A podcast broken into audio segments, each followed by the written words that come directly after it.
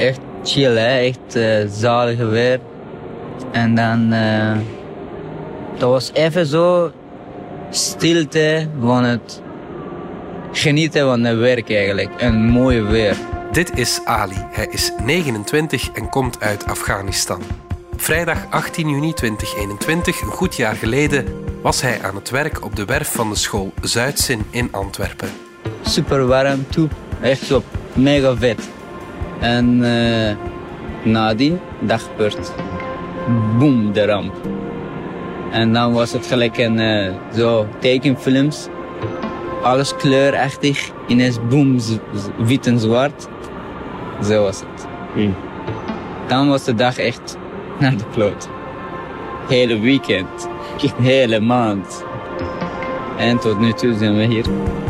Een jaar geleden kwam de school de Zuidzin met een donderende klap naar beneden. De trappen, de stellingen en de betonnen vloeren stortten in.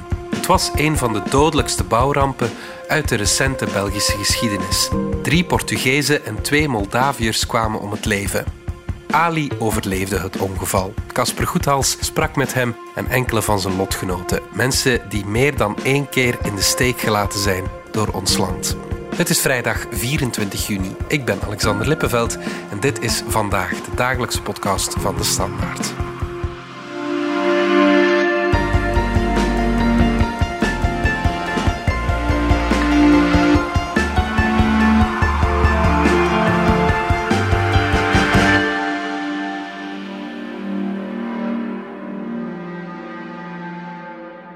We luisteren even naar Ali die ons meeneemt naar die fatale vrijdag. Een dag waarop de zon volop scheen.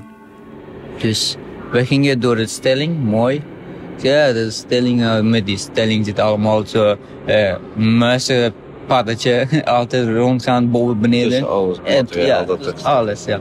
Tussen mensen, een paar mensen, goeiedag zeggen, of uh, we hebben ook een paar keer gestopt om te kijken hoe die werken en dat waren echt zo, echt tussen die dingen, hè, tussen, tegen die gebouw.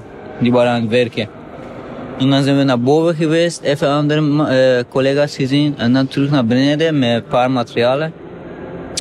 En dan, uh, we zijn uh, juist in midden van die stelling gestopt. En dan zijn we helemaal naar Gelijkbloer geweest. Juist waar we achter die raam stonden. We zaten daar aan het buiten aan het kijken boom, de ramp. En dan was het gelijk een uh, zo tekenfilms. Alles kleurachtig. Ineens boom, wit en zwart. Zo was het. Als ik nu kijk, terug. is precies dat uh, vorige week vrijdag is gebeurd. Maar... Hmm. Een jaar. Dat is lang, hè? Casper Goed als reporter bij ons weekblad. Jij sprak enkele dagen geleden nog met Ali. Eigenlijk had de ramp hem niet echt verrast, hè? mag ik dat zeggen? Ik heb Ali de eerste keer gesproken kort na de ramp en vorige week opnieuw. En een van de verhalen die terugkwam was dat Ali eigenlijk al langer problemen signaleerde daar op de werf. Dat hij niet te spreken was over de veiligheid. De tapijten lagen los op de trappen. De leuningen zaten niet goed vast. Ja, er was een, een hijskraan die gebruikt kon worden om beton naar boven te sleuren. Die mochten ze niet gebruiken. Tot Ali's grote frustratie. Dus hij had heel veel last van zijn knieën en zijn rug tot de dag van vandaag eigenlijk, omdat hij eh, zakken van 25 kilo drie verdiepingen naar boven moest sleuren. En hij had gesignaleerd dat de leuningen niet, niet stevig waren. En een paar weken voor de ramp was er iemand uh, naar beneden gevallen en, en had, een, uh, had een, zijn arm of zijn hand gebroken. Dus Ali had gezegd, er moet iets aan gebeuren. En een van de werfleiders van de hoofdaannemer, die, die zei, uh, ja, zet dan een helm op. Hè. En wat deed hij toen het gebouw begon in te storten? Wel, Ali had twee knallen gehoord. Bij de eerste dachten ze dat er opnieuw ergens iets omgevallen was. Het was een heel luide, doffe knal. Dat was eigenlijk een stuk beton dat uh, los uit het plafond was gekomen en naar beneden was gevallen. En bij die tweede, zij zijn makker op de werf, uh, Said, iemand waarmee al maanden samenwerkte. Moeten we niet gaan kijken, maar uh, Ali zei nee, nee, nee, we moeten hier nu weg. En hij trok Said bij zijn hesje, bij zijn jas. En ze liepen, ze liepen weg. Als ik uh, 10 minuten had, ik had mijn best gedaan om iedereen naar buiten te stumpen. Mm. Echt waar. Maar ik heb 10 seconden. Maar die 10 seconden was, Alleen maar genoeg om uh, Said mee te pakken. ja, Gelukkig. gelukkig. En dat heeft hen gered, want niet veel later is er precies waar ze stonden ook een balk naar beneden gekomen. Dus eh, ja, plotseling verandert alles. Hè. Zoals Ali zei, het was bijna alsof dat ze in een oorlogsgebied zaten. Het was een stofwolk, een mist waar ze door moesten wandelen. Er was overal geschreeuw. En dan was het gelijk een eh, zo tekenfilms.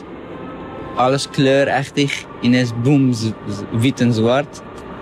Zo was het. Er, er waren collega's die letterlijk in stukken lagen rond, eh, rond hen. Hè. Ze moesten proberen zelf veilig te zijn en tegelijkertijd zochten ze naar manieren om andere arbeiders te helpen. Hier en daar konden ze er niet over geraken, omdat er stukken stellingen naar beneden gekomen waren. Die hadden, Said zei dat voor hen is het echt een traumatiserende ervaring geweest. Zei dat hij mensen zag die doorboord waren door van die stellingen. En Ali eh, wist nog iemand te helpen, maar herinnert zich dat hij daar naar buiten liep. In Nieuw-Zuid, in die chique wijken die in Antwerpen naar, eh, opgetrokken wordt. En dat leek alsof dat in een soort van Grieks amfitheater stond. Dat er vanuit al die torens naar beneden werd gekeken. En hij daar naar buiten kwam, zijn armen onder het bloed. Said was helemaal bebloed, zat onder het bloed.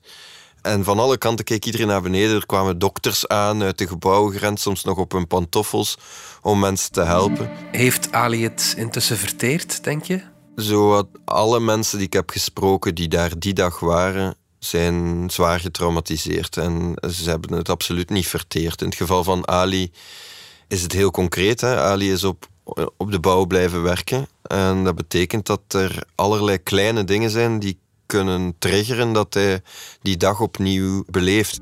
Hij vertelde dat het soms een schroevendraaier is die hij opheft, waardoor plotseling van alles terugkomt van toen, omdat hij toen met een schroevendraaier bezig was. Ali vertelt dat hij zich ieder moment van die dag eigenlijk eh, minuut per minuut kan herinneren. En dat is ook zo. Ik herinner mij dat gesprek vorig jaar en het gesprek nu. En er zijn sommige zinnen die bijna woord voor woord dezelfde zijn als een jaar geleden. En dat is psychologisch extreem uitzonderlijk. Dat je geheugen zo aan gaat staan, omdat er zoiets enorms gebeurt. En tegelijkertijd zijn er andere dingen. Een week later was Ali op de werf opnieuw om foto's te maken van de opruimwerken. En, en daar weet hij niets meer van, van dat moment dat hij die foto's heeft gemaakt. Er is duidelijk iets ja, extreem gebeurd, psychologisch in zijn hoofd, net als bij de anderen. Ik herinner me dat zeer goed, dat hij zei van ik ben zo bang, Casper, dat, dat ik niet meer ga kunnen lachen. Want ik ben een beetje de nar van de bende altijd. En nu zei hij vorige week, ben, ben toch al blij dat ik zo nu en dan weer kan lachen. Dus daar, er zit wel wat verbetering in. Said, zijn vriend, zei dat ook aan de telefoon toen ik hem opnieuw opbelde. Van ja, we zijn, we zijn niet meer dezelfde mensen. En eigenlijk, ik zeg het niet graag, maar Ali heeft nog geluk. Hij had een vast contract. Absoluut. Dus Ali die was in dienst, maar zijn vriend Said die werkte met weekcontracten. Dus Ali die is, nadat hij eventjes thuis heeft mogen zitten, weer kunnen eh, aan de slag gaan op verschillende werven. Dat zijn renovatiewerken. Hij maakt zich zorgen voor als hij weer in de nieuwbouw stapt trouwens, want dan denkt hij dat de plafonds weer op hem kunnen neerdalen.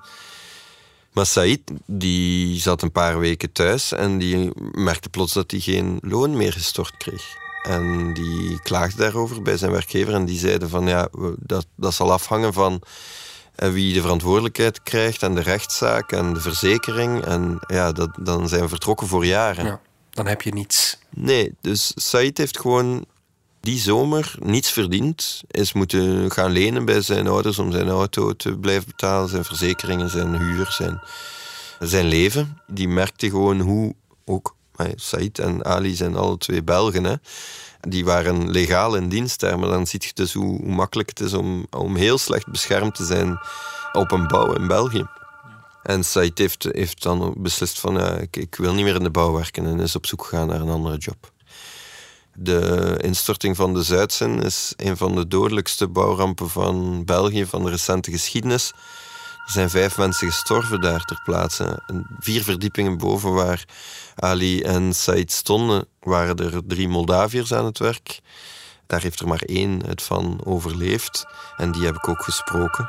We moeten het ook even over Victor hebben. Wie is hij? Victor was aan het werk de bovenste verdieping van de school samen met uh, Michael en, en Nicolai. Victor is een man van ondertussen 26. Werkte daar nog maar een paar dagen. Was heel blij dat hij werk had, want hij komt uit Moldavië, net als Michael en Nicolai. En daar zijn de lonen de laagste van Europa. En is er ook gewoon niet zoveel werk. Dus hij was content dat hij daar aan het werk was. Maar ook hij hoorde die knal. En dan werd het zwart voor zijn ogen. En hij werd wakker in het ziekenhuis. En zijn broer stond daar voor hem. En die, ja, die vertelde hem in de dagen die volgden, stukje voor stukje, wat er gebeurd was. Hoe die hele school naar beneden was gekomen boven hun hoofd. En die vertelde dan uiteindelijk ook dat Michael en, en Nicolai niet meer leven. Voor Victor, is een grote man, een sterke man. Maar op dit moment, toen ik hem sprak in Antwerpen uh, vorige week, is het echt een, uh, een, man die getekend is voor het leven, die kapot is. Een man van 26 die dus ja, zo, hij ziet er zo bedroefd en bedrukt uit. En Michael en Nicolai waren vrienden van hem. Hij had al eerder met hen op werven gestaan. Dus uh, dat nieuws was verschrikkelijk voor hem. En hij zei tegen mij... Wat dat eerst door mijn hoofd ging is van... Ik ga mijn familie nooit meer zien. En mijn vrouw is zwanger. Zijn vrouw, een paar jaar jonger, dus een jonge twintiger... is bevallen van een dochter twee maanden na de ramp tot overmaat van ramp heeft hij ook nog eens een spierziekte die uh, heel wat geld kost om verzorgd te worden. Ze moeten naar, vanuit Moldavië naar Roemenië rijden om daar uh, de behandeling te doen regelmatig.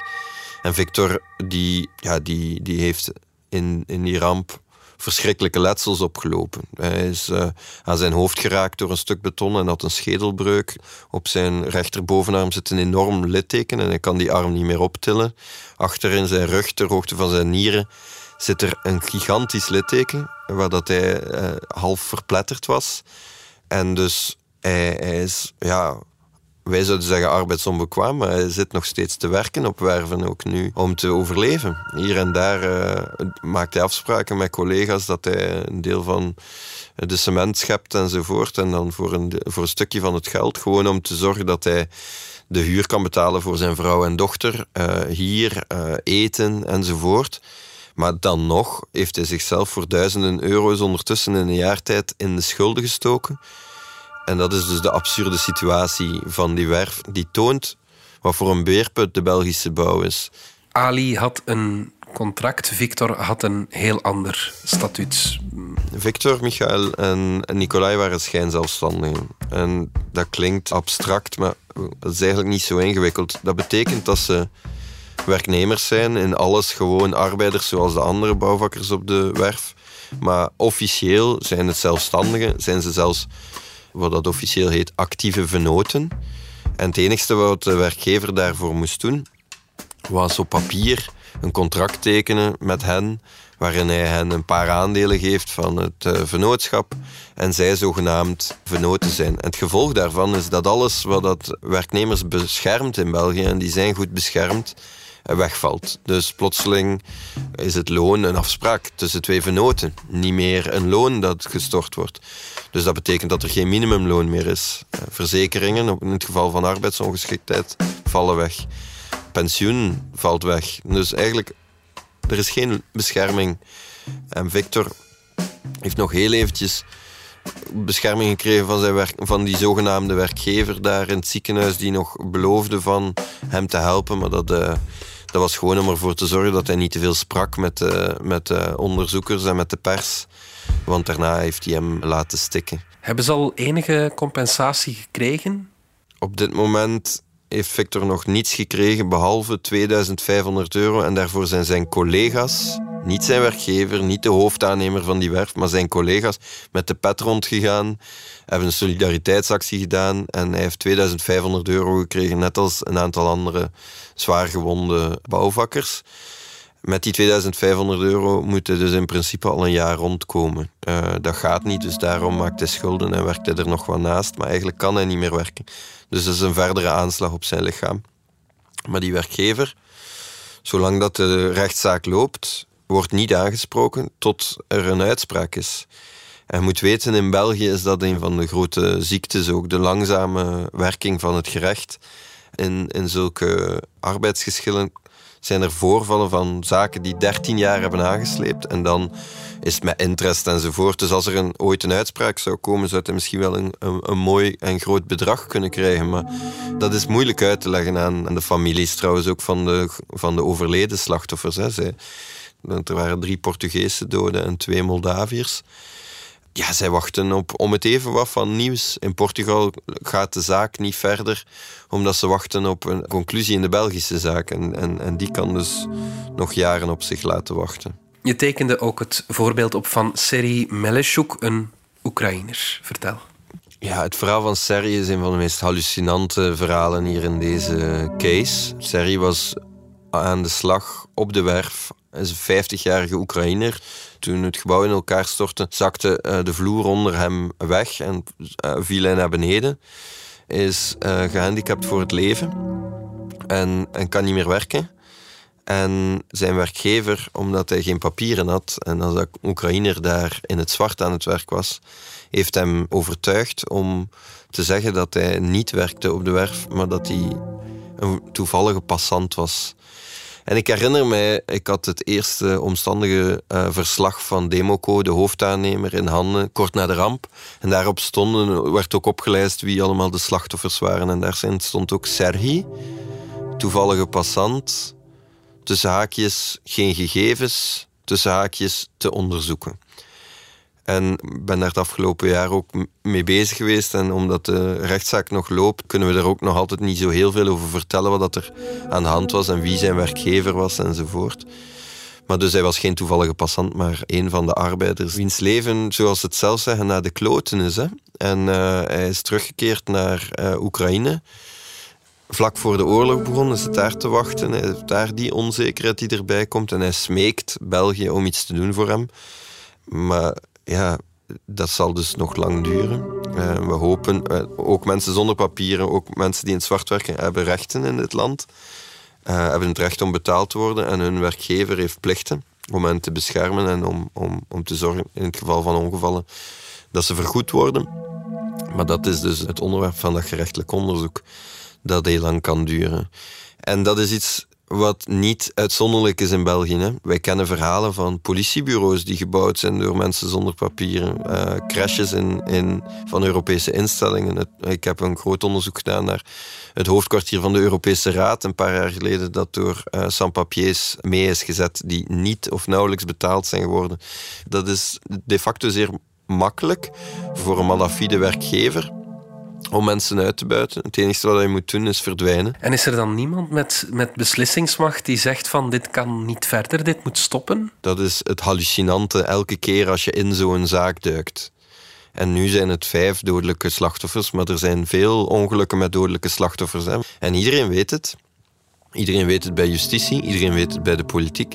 Maar kennelijk is er geen prioriteit of is het onmogelijk om dat systeem uit te mesten. De bouwsector zelf die zegt Belgen zijn te duur en we vinden er gewoon geen. Dat klopt en dat is nog waar ook. In België is het heel moeilijk om personeel te vinden in de bouw. Er zijn natuurlijk wel jobs verdwenen ook, die nu worden ingevuld door anderen. Dus er zijn ook mensen die hun baan verloren zijn, maar toch over het algemeen is er gewoon een heel groot arbeidstekort en is goedkope arbeid voorhanden en wordt het dus ook steeds onaangenamer en minder interessant om daar te werken. En de olifant in de kamer is ook wel dat alles altijd goedkoop moet zijn. Ook overheidsprojecten. De Zuidzin was een stadsschool.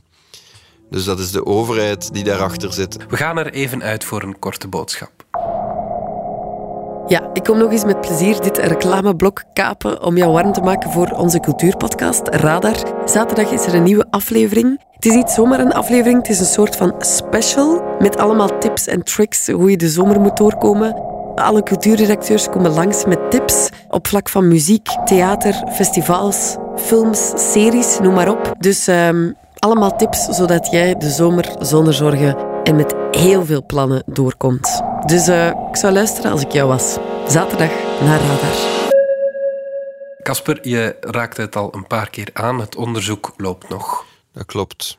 Dus dat is een gerechtelijk onderzoek en dat is geheim. Dus daar weten we niets over. Het enige wat ik daarover heb gehoord is dat het wellicht nog een grotere beerput zal zijn wat dat daar allemaal aan de hand is. Daar zitten ook tientallen verzekeraars en, en uh, banken die het project hebben gefinancierd en advocaten van alle betrokken uh, bedrijfjes die daar actief waren, zitten daarop. Dus dat zijn ja, ik heb mij laten vertellen 80 tot 100 advocaten die daarmee bezig zijn. We weten dus nog niet wat daar gebeurd is, maar deze week is er wel een document bij ons terechtgekomen. Komt voor de duidelijkheid niet uit het gerechtelijk eh, onderzoek dat geheim is, maar uit andere onderzoeken die daar rondlopen. En in die brief wordt door een studiebureau aangekaart, het studiebureau Establis, dat verantwoordelijk was voor advies over de stabiliteit van het gebouw dat aankaart bij Democo, de hoofdaannemer van de werf, dat er een probleem is met de stabiliteit van de werf. Dat al gemeld werd in december, dus de, de ramp was in juni. Zes maanden voor uh, de school naar beneden kwam, waren er dus al signalen van het feit dat er iets mis was. Of dat hetgene is wat eh, tot de instorting heeft geleid, dat moet natuurlijk dat gerechtelijk onderzoek uitwijzen. En daarbij zijn er allerlei stabiliteitsexperten, ingenieurs en architecten betrokken. Wat daaruit duidelijk wordt, is dat er wel heel wat misging op die werf al langer en dat er niemand nog echt een zicht had op wat daar allemaal gebeurde. Want zowel de stad als AG Vespa, het eh, onafhankelijk eh, gemeentebedrijf dat voor de stad de school had besteld, wist of zegt niet geweten te hebben van die brief. Wie er verantwoordelijk is en wat precies de ramp heeft veroorzaakt, moeten we dus nog afwachten. En zoals gezegd, dat kan jaren duren. Maar er is wel een andere vraag die daarbij komt. Van wie heeft er zicht op wat er gebeurt op die publieke werven?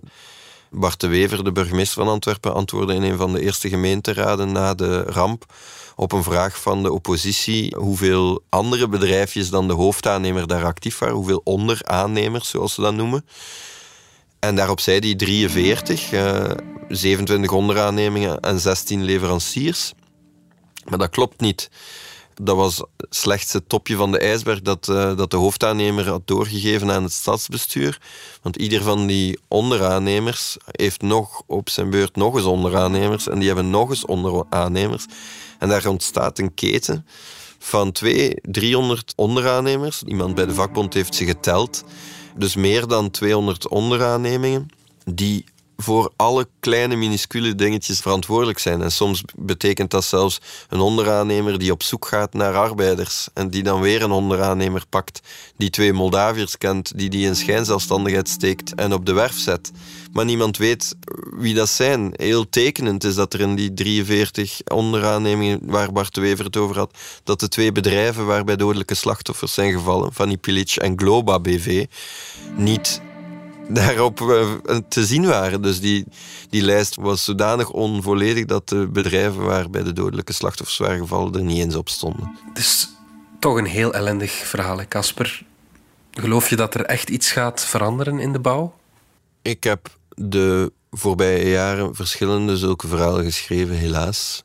En ik moet tot de conclusie komen dat er nog altijd geen fundamenteel debat over gevoerd is dat belooft om schoon schip te proberen maken met de situatie. En de situatie in België is niet alleen maar een gevolg van hoe de wereld werkt. In België zijn er drie keer zoveel gedetacheerde arbeiders als in Nederland, uh, Duitsland en Frankrijk.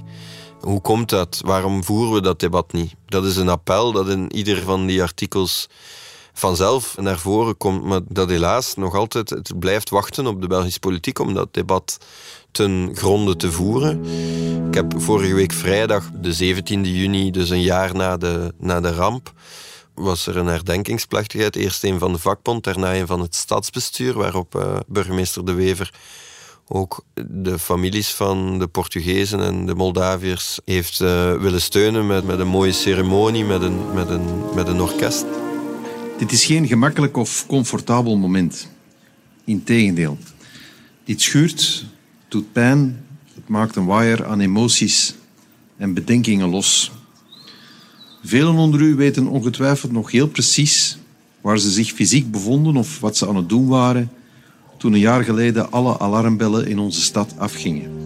De brandweer en de politie waren daar aanwezig. Ik heb het hem ook gevraagd als voorzitter van NVA en niet alleen maar als burgemeester van de stad moet dat debat nu niet ten gronde gevoerd worden? En zijn antwoord was tweeledig. Aan de ene kant zei dat het onkies is om zo snel het debat te voeren. Dat zei Bart de Wever ook aan regiozender ATV. Je kan daar geen commentaar op geven. Dat onderzoek loopt nog. Wij hebben er eigenlijk ook alle vertrouwen in uh, dat dat één hopelijk snel afgerond wordt en dat iedereen zich voor de rechtbank kan komen verantwoorden. De stad staat recht in haar schoenen, maar dat zal voor de rechtbank allemaal duidelijk worden. Tot zolang is het echt onkies om daar commentaar op te geven. Ten tweede zei van het is verschrikkelijk dat die gerechtelijke onderzoeken hier zo lang duren en dat, uh, dat die families het is heel moeilijk om hen in de ogen te kijken en uit te leggen dat het na een jaar eigenlijk nog nauwelijks verder staat. Dat de rechtbank er zelfs nog niet mee bezig is, omdat het nog altijd een vooronderzoek is. Natuurlijk is een zaak als deze een goede aanleiding om dat debat te voeren, voegt hij eraan toe. Maar uh, wanneer, dat is ingewikkeld. En ik denk dat dat ook een deel van het probleem is. We moeten sneller kunnen reageren. De Belgische justitie moet in staat zijn om, om die zaak desnoods op te knippen in, in verschillende onderdelen. Want eer dat er volledig duidelijk is wie waar verantwoordelijk voor is, duurt het soms tien jaar. Ik denk dat er werk aan de winkel is. Ja, dat is een nagel waar je nog vaak op uh, moet kloppen als ik je zo hoor. Casper Goethals, dank je wel. Dank u. Dit was vandaag de dagelijkse podcast van de Standaard. Bedankt voor het luisteren. Download onze app DS Podcast of volg ons op Spotify, Apple Podcast of eender welk ander podcastplatform. Alle credits van de podcast die je net hoorde vind je op standaard.be-podcast. Reageren kan via podcast.standaard.be. Maandag zijn we opnieuw.